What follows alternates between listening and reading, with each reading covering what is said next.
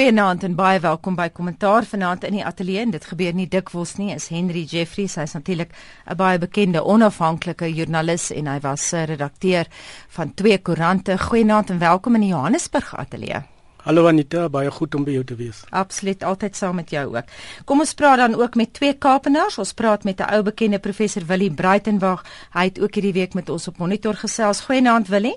Goeienaand Anita. Willie is van die Universiteit van Stellenbosch en dan praat ons met die adjunkredakteur van die Burger ook in Kaapstad. Goeienaand Willem. Goeienaand Anita.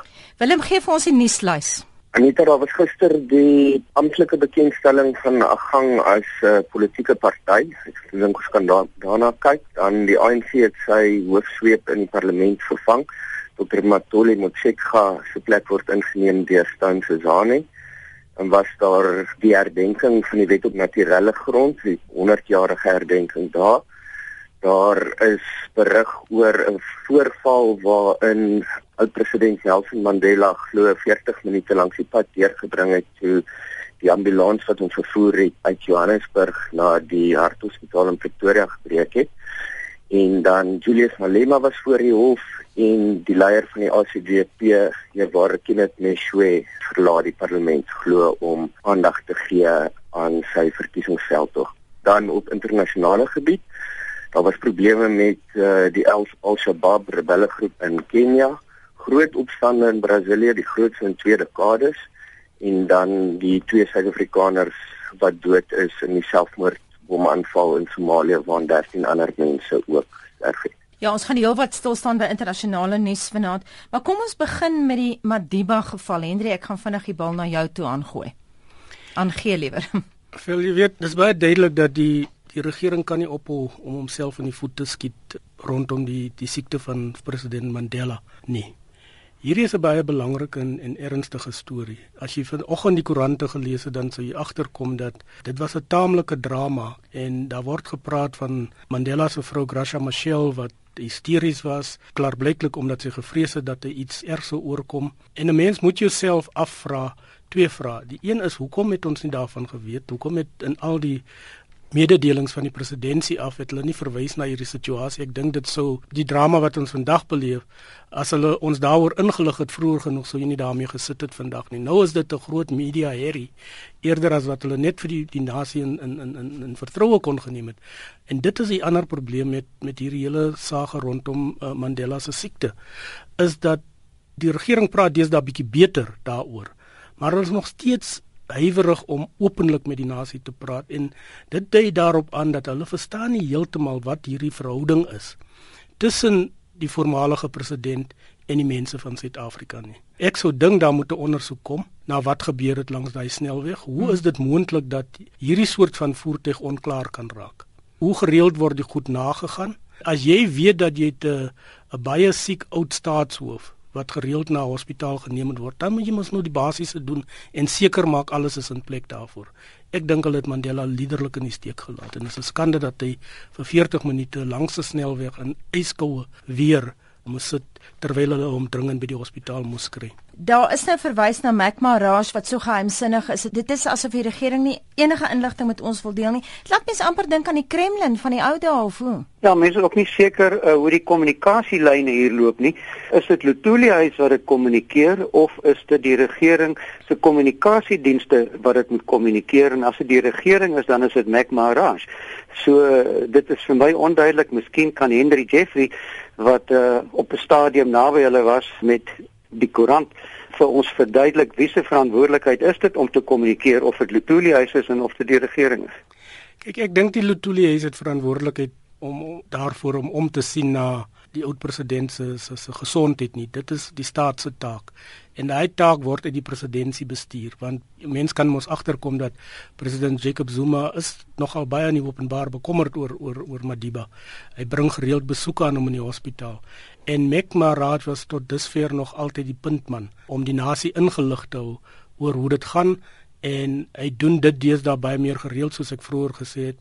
Maar ek dink net hulle het, hulle hulle iets misgetas hier deur nie dit in die openbaar bekend te gemaak het dat hulle hierdie voorval gehad het nie. Willem ons Anita, ek wil net ek wil net nou aansluit mm. by by wat Hendrik sê in in die dat die regering se onvermoë om doeltreffend te kommunikeer rondom kwessies soos hierdie veroorsaak die probleem dat daar dan tientalle ander vrae ontstaan oor wat die siekte toestand van meneer Mandela dan werklik is.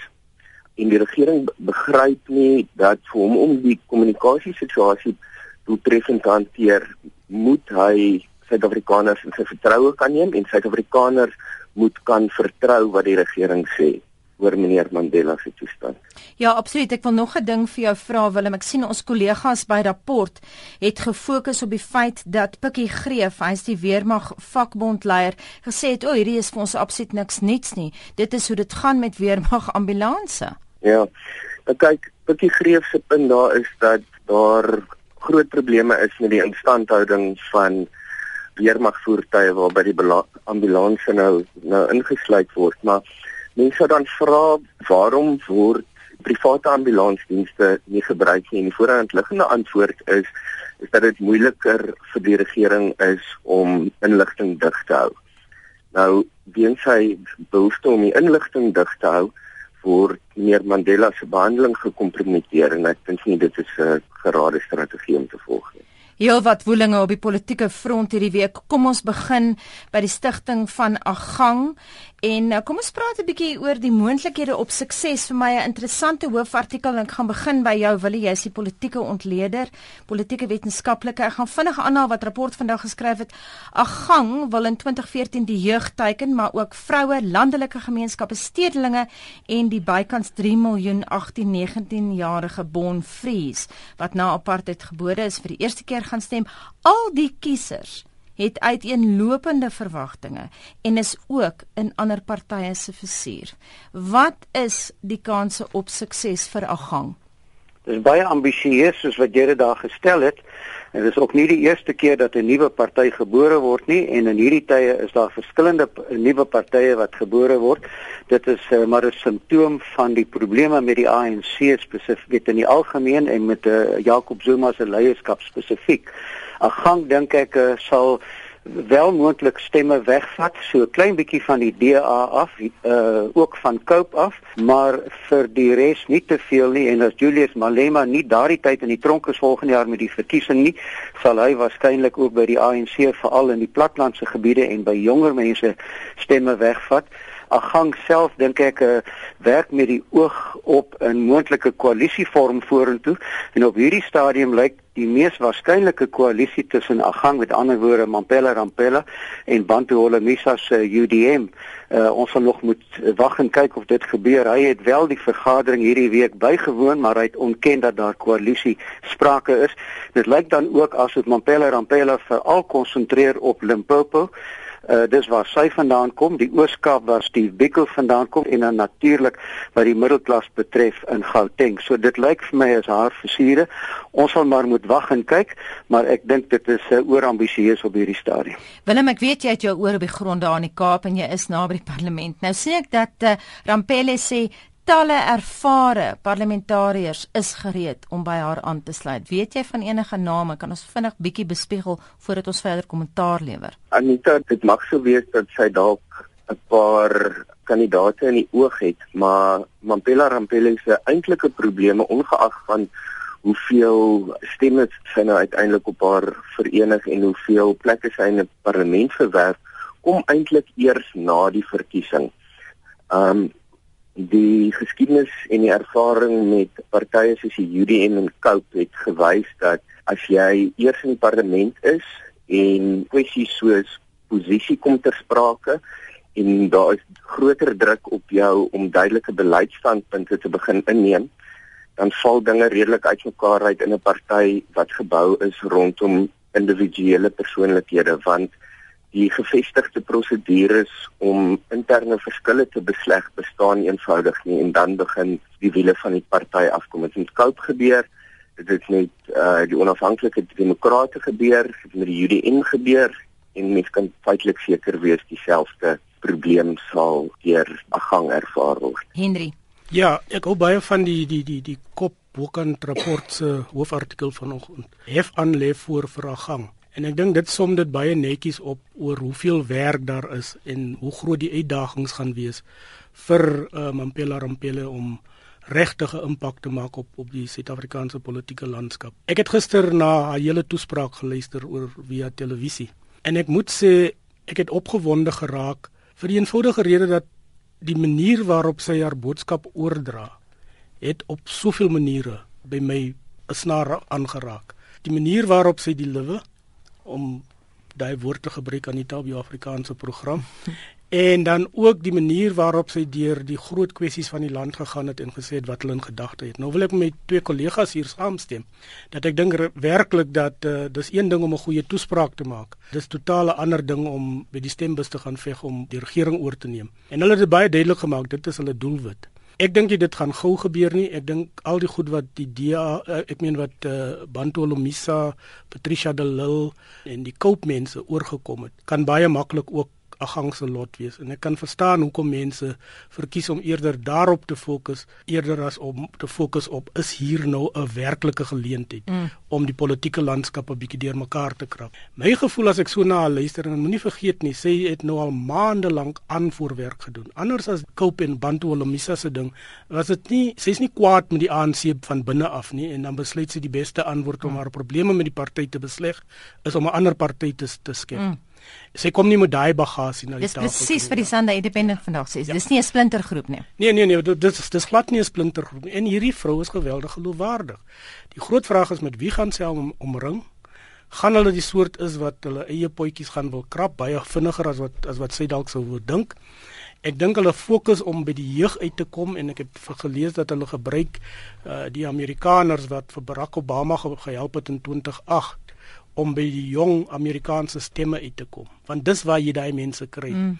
En dan as die ANC in groot genoeg van 'n moeilikheid dink ek dat die boodskap wat sy gister oorgedra het en hoe sy die oplossings daarvoor gesien het, ek dink dit mag dalk byval vang by baie kiesers, maar dan moet sy die organisasie hê wat die land dwars in kruis kan bereik. Een laaste fokuspunt daaroor en ek wil 'n vraag aan jou vra, Willie.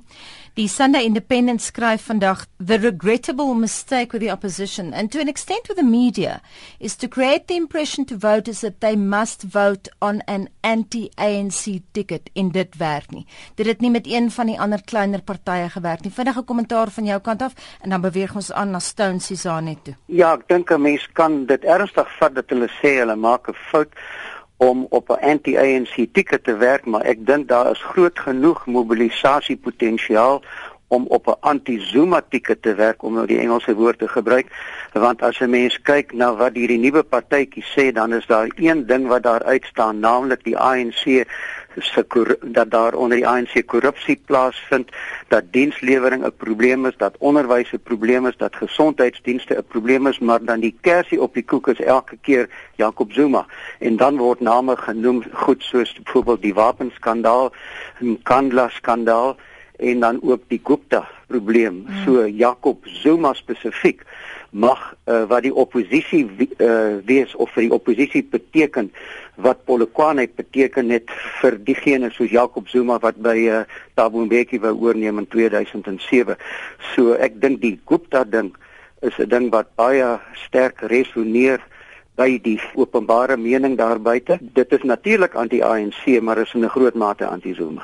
Die ANC het 'n nuwe hoof sweep, Stone Sizani. Ek wil vir jou vra Willem, daar is nou deur die ANC gesê dat uh, Matole Moshega is vervang omdat hy nie meer op die NK is nie, maar ek het hierdie week gepraat met 'n ontleder wat vir my gesê het Moshega se vervanging het niks te doen met die feit dat hy nie meer 'n lid is van die nasionale uitvoerende komitee van die ANC nie, maar uh, dit gaan meer oor die feit dat hy eenvoudig nie sy werk kan doen nie en dan is dit ook 'n manier om van Angie Moshega ontslae te raak en dat hy waarskynlik 'n ambassadeurspos gaan kry en sy sal dan as mevrou die ambassadeur saam met hom uit Suid-Afrika uit vertrek. Dis nou spekulasie. Hmm. Anita, ek sou saamstem dat ehm um, die tegniese rede dat eh uh, Motshek gaan nie meer op die NK dien nie nie eintlik aan die wortel van die skuif lê nie want as dit die groot oorweging was om kon die skuif seker al 6 maande gelede gebeur het. Ja. Maar wat in werklikheid die probleem is is dat Matole Motshek gaan wat ironies genoeg die langsdienende ANC hoofsweep tot dusver was eintlik baie swak hoofsweep was weet ehm um, hy het in gebreke gebly om 'n duidelike politieke agenda vir die ANC in die parlement neer te lê onder hom was dissipline in die party swakker as ooit tevore en nou sien dit in in goed soos die swak bywoning van parlementêre sittings en portefeulje komitees. Nou moet ek sê dit wil nogal gedoen wees want sy voorgangers by name Tanya Ngeni en en iemand soos Bolilo Kuniwe uh het nie het self nie uit die voorhoede gelei nie. Daar 'n redelike lusteloosheid in die ANC caucus posgevat en en mens sien dit in die swak gehalte van van die ANC se toesprake en die gemak waarmee hulle toelaat dat uh, die oppositie die agenda stel. Miskien 'n goeie voorbeeld daarvan vroeër vanjaar was hoe die oppositie 'n mosie van wantroue teen president Jacob Zuma wou instel, is dit met volledige onbeholpenheid deur die ANC hanteer. Dis die ANC hoofsweep se taak om te sien dat sake soos dit glad hanteer word. Dan was daar natuurlik die begrotingsdebatte vroeër vanjaar wat eintlik op die ou end maar in moddergooiery ontaard het eerder as wat die ANC werklik die oppositie kon takel op die kwessies wat saak maak. Dit lyk like as natuurlik self 'n baie vals spreker in die parlement en op daardie manier het hy ook nie ANC LPC juis geïnspireer om die vlak van debat te lig nie. Ek moet sê ek het nou gister op naweek aktueel weer na Stan Sesani geluister na hoe vurig hy 'n toespraak kan lewer, maar ek sien terwyl jy nou praat, sit Henry aandagtig en luister en hy skud sy kop. Lyk vir hy saamstem. Vinnig na jou toe en dan vra ons iets vir Willie. Ja, kyk, Stone is 'n gwedi man. En uh dis waarskynlik die ANC se sekretaris-generaal wat nou hier ingryp want hulle is in die moeilikheid in die parlement en as jy soek wie die die sondebok is dan nie rocket science om by Mochega uit te kom nie. Ek het net 'n bietjie van 'n ander opinie oor die uh of dit dan kan lê of uh, deel is van 'n uh, uh, plan om ook dan van sy vrou as minister van onderwys ontslae te raak of uit die kabinet te kry. Ek het onlangs gepraat met iemand wat wat in daai Zuma binnekring sit. En Angie Mocheka het hy vir my uitgewys is een van vyf mense met wie Zuma die meeste praat. So ek ek sal eers 'n bietjie wag voor ek sommer spring van Mocheka as hoofsweep ontslaan na Angie Mocheka as gepos word as minister van onderwys.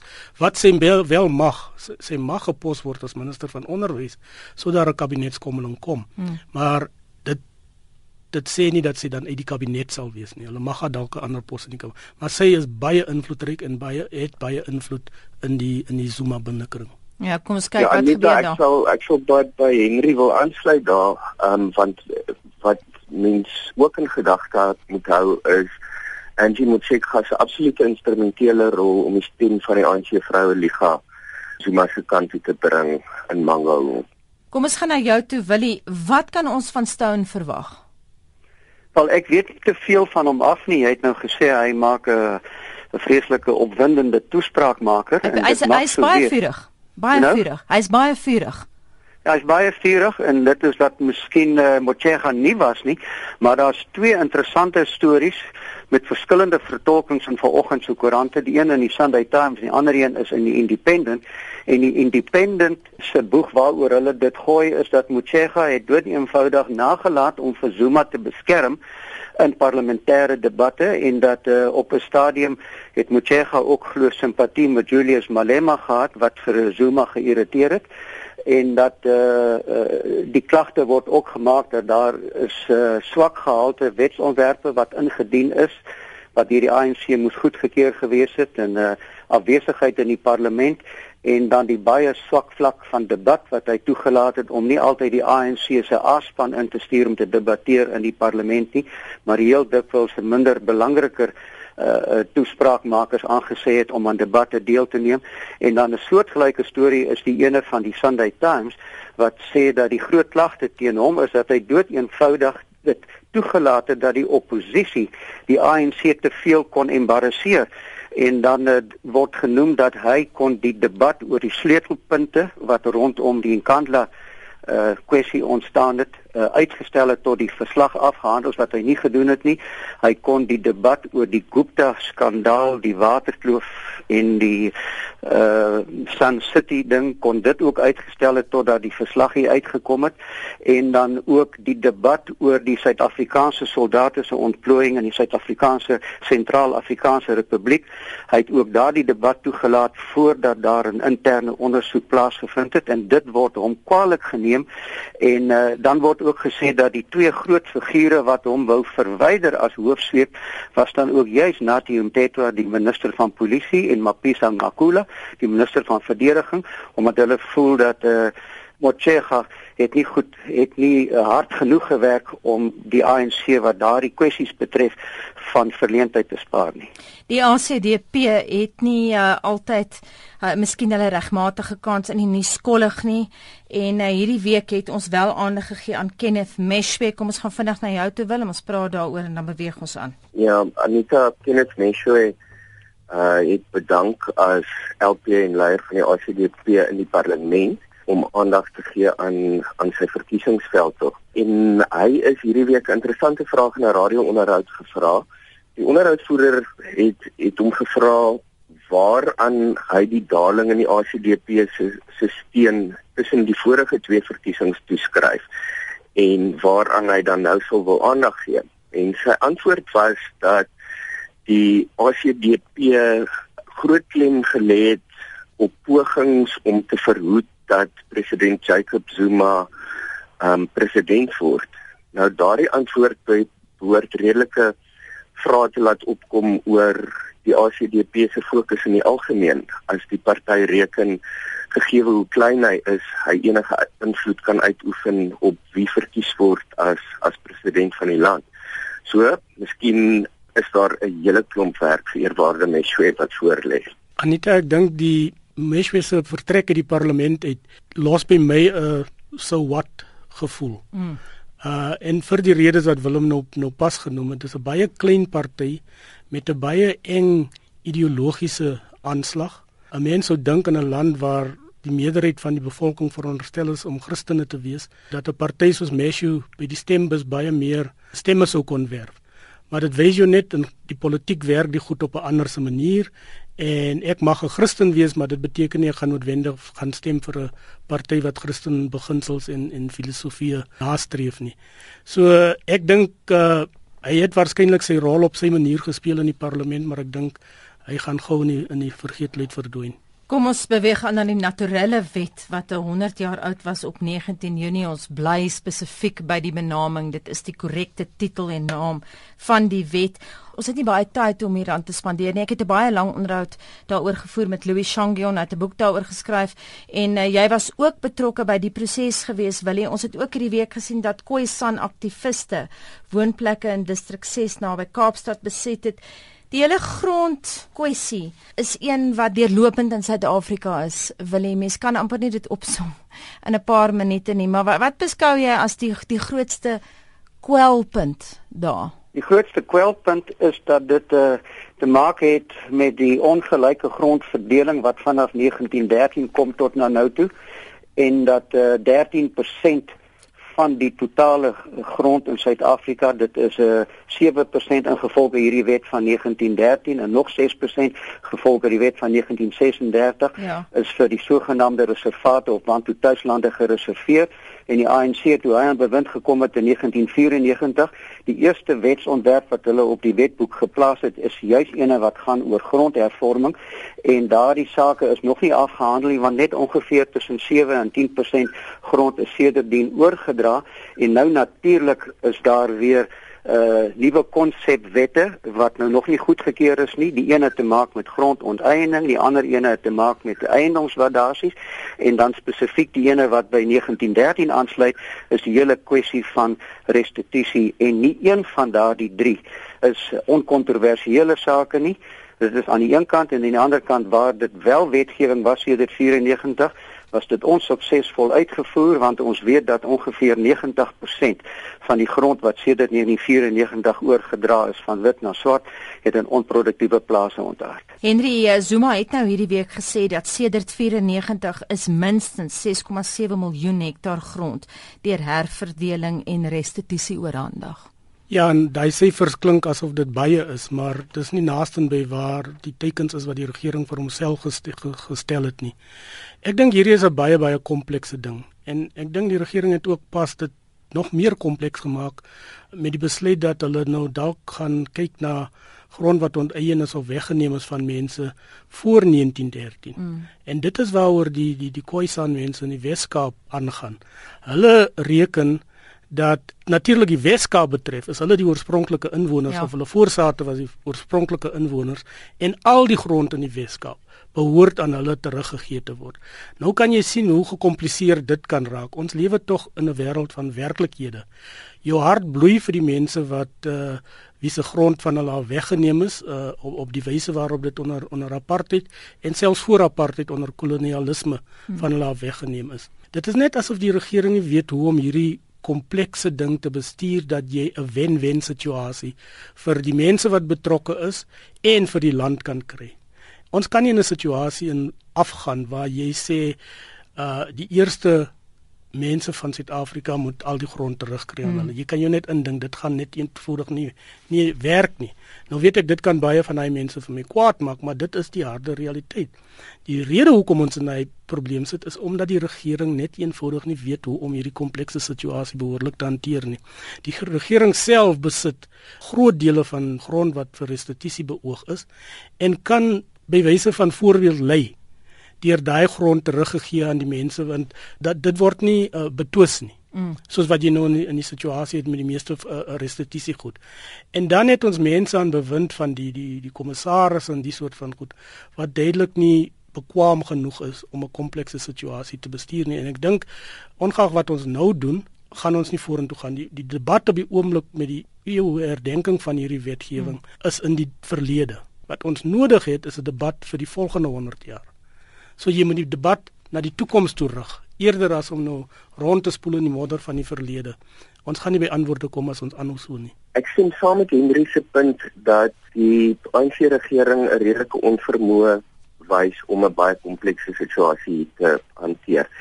En hierdie komplekse situasie waarna Henry verwys het, word um, inderwaarheid nog meer kompleks gemaak deur die feit dat ons 'n verkiesing in aantog het daar's redelike gevaarligte wat flikker dat die ANC hierdie grondkwessie dalk op 'n onverantwoordelike wyse wil opsaal in die aanloop tot aanstaande jaar se verkiesing. En ek dink die nugter stemme in die ANC moet moet van hulle laat hoor want voor die party om dalk in 'n in 'n populistiese glybaan bevind moet hy besef dat die land eenvoudig nie genoeg bewerkbare grond het om om reg te laat geskied aan almal wat op grondverlies sou kon aanspraak maak nie En enige een wat nou om goedkoop politieke gewin min probeer slaan uit die grondkwessie kan kan die land op die lang dure dierprys laat betaal en dit sou nie die eerste keer in Afrika wees nie.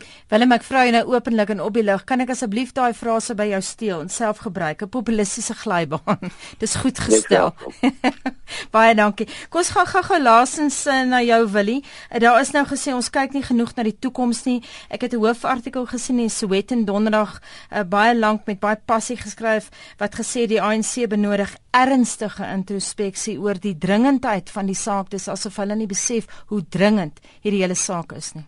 Nou die woorde wat die Sowetan gebruik het is that the ANC is not addressed this issue with the urgency it deserves.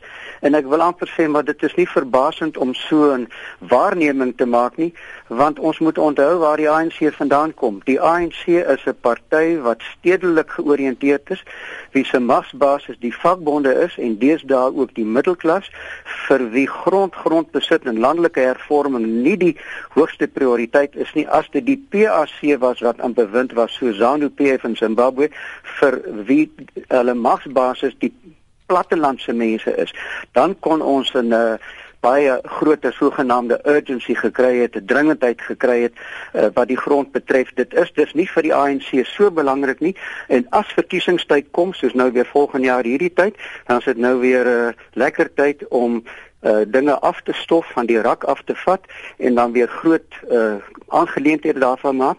'n uh, uitdrukking wat ek al voorheen op hierdie program gebruik is, hoe weet mense verkiesing kom? Dit is wanneer jakkals hulle bekommer oor die welsyn van hoenders. En dit is presies wat hier nou gebeur. Kom ons beweeg aan na Mogadishu toe. Ek gaan by jou bly. Willie, twee Suid-Afrikaners dood daar in die aanval. Kom ons kyk 'n bietjie na Al-Shabaab en natuurlik kom ons kyk 'n bietjie ook uh, na Al-Shabaab se betrokkeheid in Kenia. Ek weet jy het baie navorsing gaan doen oor hierdie onderwerp. Ja, Al-Shabaab is 'n organisasie wat uh, uh so afgelope 10, 15 jaar tot stand gekom het. Hulle is uh, gefokus op Kenia en ook op Somalië. Hulle is hulle, hulle het eintlik ontstaan in Somalië want hulle is die militêre vleuel van die Union of Islamic Courts wat uh, eh, 2006 op 'n uh, uh, ongrondwetlike manier in Somalië aan bewind gekom het. Nou as ek sê ongrondwetlik nou sit tussen aanhalingstekens want Somalië het vanaf 1991 met die val van die Siad Barre regering tot na nou toe, dit is nou meer as 20 jaar eintlik nog nooit 'n sentrale regering gehad nie.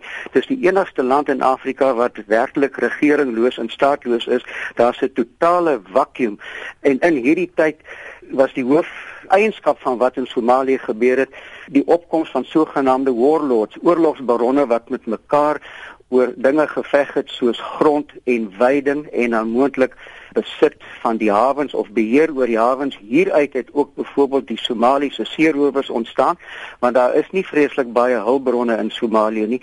Die grootste hulpbronne wat belangrik is is maar weiding en dan uh, landbougrond. Daar's net twee riviere in Somalië. Dit is die Juba rivier en die Shabelle rivier wat reg in die suide is waar daar sprake is van landbou. Dis dit is 'n arm land dis 'n staatlose land. En uh, uh hieruit het Al-Shabaab ontstaan as ek soos ek gesê het wat die militêre vleuel van die Union of Islamic Courts is wat 'n probleem het met die feit dat veral Kenia en Ethiopië 'n rol speel om 'n regering probeer gevestig te kry maar die aard van die saak omdat dit Kenia en Ethiopië is met die steun van Amerika is dit dan meer gematigde regerings wat aan bewind kom Al-Shabaab het dus probeer om hierdie soort van gematigde tussentydse regerings te destabiliseer met aanvalle op goed wat vir hulle lyk asof dit Ethiopië en Kenia as wat daar 'n rol speel.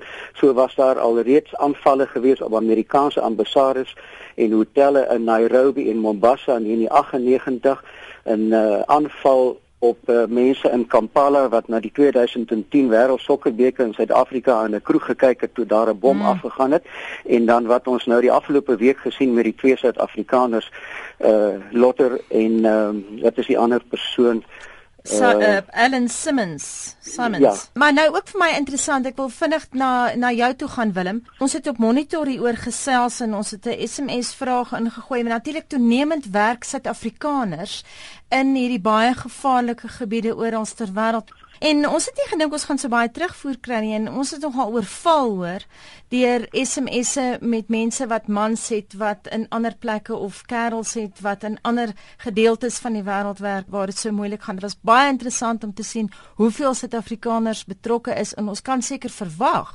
dat ons nog Suid-Afrikaanse lyke gaan sien ongelukkig. Ja, Anita, ek glo dit is maar 'n faktor wat gepaard gaan met dat ons in 'n in 'n global village soos die Engelssprekende sê lewe en Suid-Afrikaners werk wêreldwyd in gevaarlike gebiede. Dit is 'n realiteit van die wêreld waarin ons leef. Laaste vraag aan Willie en daarmee gaan ek haltroep vir vanaand. Willie, ons kan dit seker weer verwag. Aanvalle deur Al-Shabaab. Ja, kyk, hulle fokus is nou op Mogadishu want daar was reeds verlede jaar op die 4de Oktober 2011, dis eintlik 2 jaar gelede, 'n aanval op Mogadishu waar daar van Al-Shabaab mense doodgeskiet is en dan ook van AMISOM. Dit is die eh, dis die Afrika missie wat daar is en dan natuurlik nou weer hierdie aanval in Junie 2013 waar hierdie twee Suid-Afrikaners doodgeskiet is en 'n mens moet nou net dit bevestig dat hierdie twee Suid-Afrikaners is nie huursoldate nie. Hulle werk ook nie vir 'n organisasie soos Executive Outcomes wat 'n privaat militêre maatskappy is nie. Hulle werk vir die VN want die VN is gekontrakteer om sekere veiligheidsdienste te lewer en die hmm. diens wat daar gelewer word is ontmyning en allerlei ander tegniese bystand waar hulle in beveiligde kampongs bly in Mogadishu en omdat daar 2 jaar laas in Oktober 2011 'n aanval was, het niemand verwag dat Al-Shabaab hierdie week weer daarmee uh, met so iets vorendag sou hmm. kom nie en dit het gebeur en dit sal waarskynlik weer gebeur maar soos uh, impliseer dink ek nie dat dit spesifiek teen die Suid-Afrikaners gemik nie. Toevallig was hulle in daardie VN kampong geweest want uh, Al-Shabaab se groot vyande is maar eintlik uh, Ethiopië en Kenia. Want Kenia het ook probleme met Al-Shabaab terroriste wat hulle ontseen nie. Dit is hoekom terwyl daar nie 'n regering is nie terwyl daar nie stabiliteit in Somalië is nie sal Al-Shabaab voortgaan met wat hy doen. Daar is uh, beweringe dat hy ook koneksies het met Al-Qaeda maar ek het 'n vermoede dit is Amerikaanse propaganda sedert Amerika 'n probleem gehad het met uh, Osama bin Laden na 2001 met die aanval op New York Net 'n vinnige regstelling daar wil jy ek het uh, vir jou Parabai se verkeerde naam gegee. Dit was nie Ellen Simons van Port Elizabeth nie. Dis natuurlik Ellen Simpson, een van die twee Suid-Afrikaners wat Woensdag in Mogadishu dood is. Ons halt vanaand se program. Baie dankie. Die laaste woord het gegaan aan professor Willie Breitenberg. Dankie Willie. Goeienaand. En baie dankie Willem Jordaan, adjunkredakteur by die Burger vir jou insette. Dankie Anika. En dan ook baie dankie aan Henry Jeffries wat spesiaal ingekom het ateljee te baie dankie. Dankie Anita, goeienaand.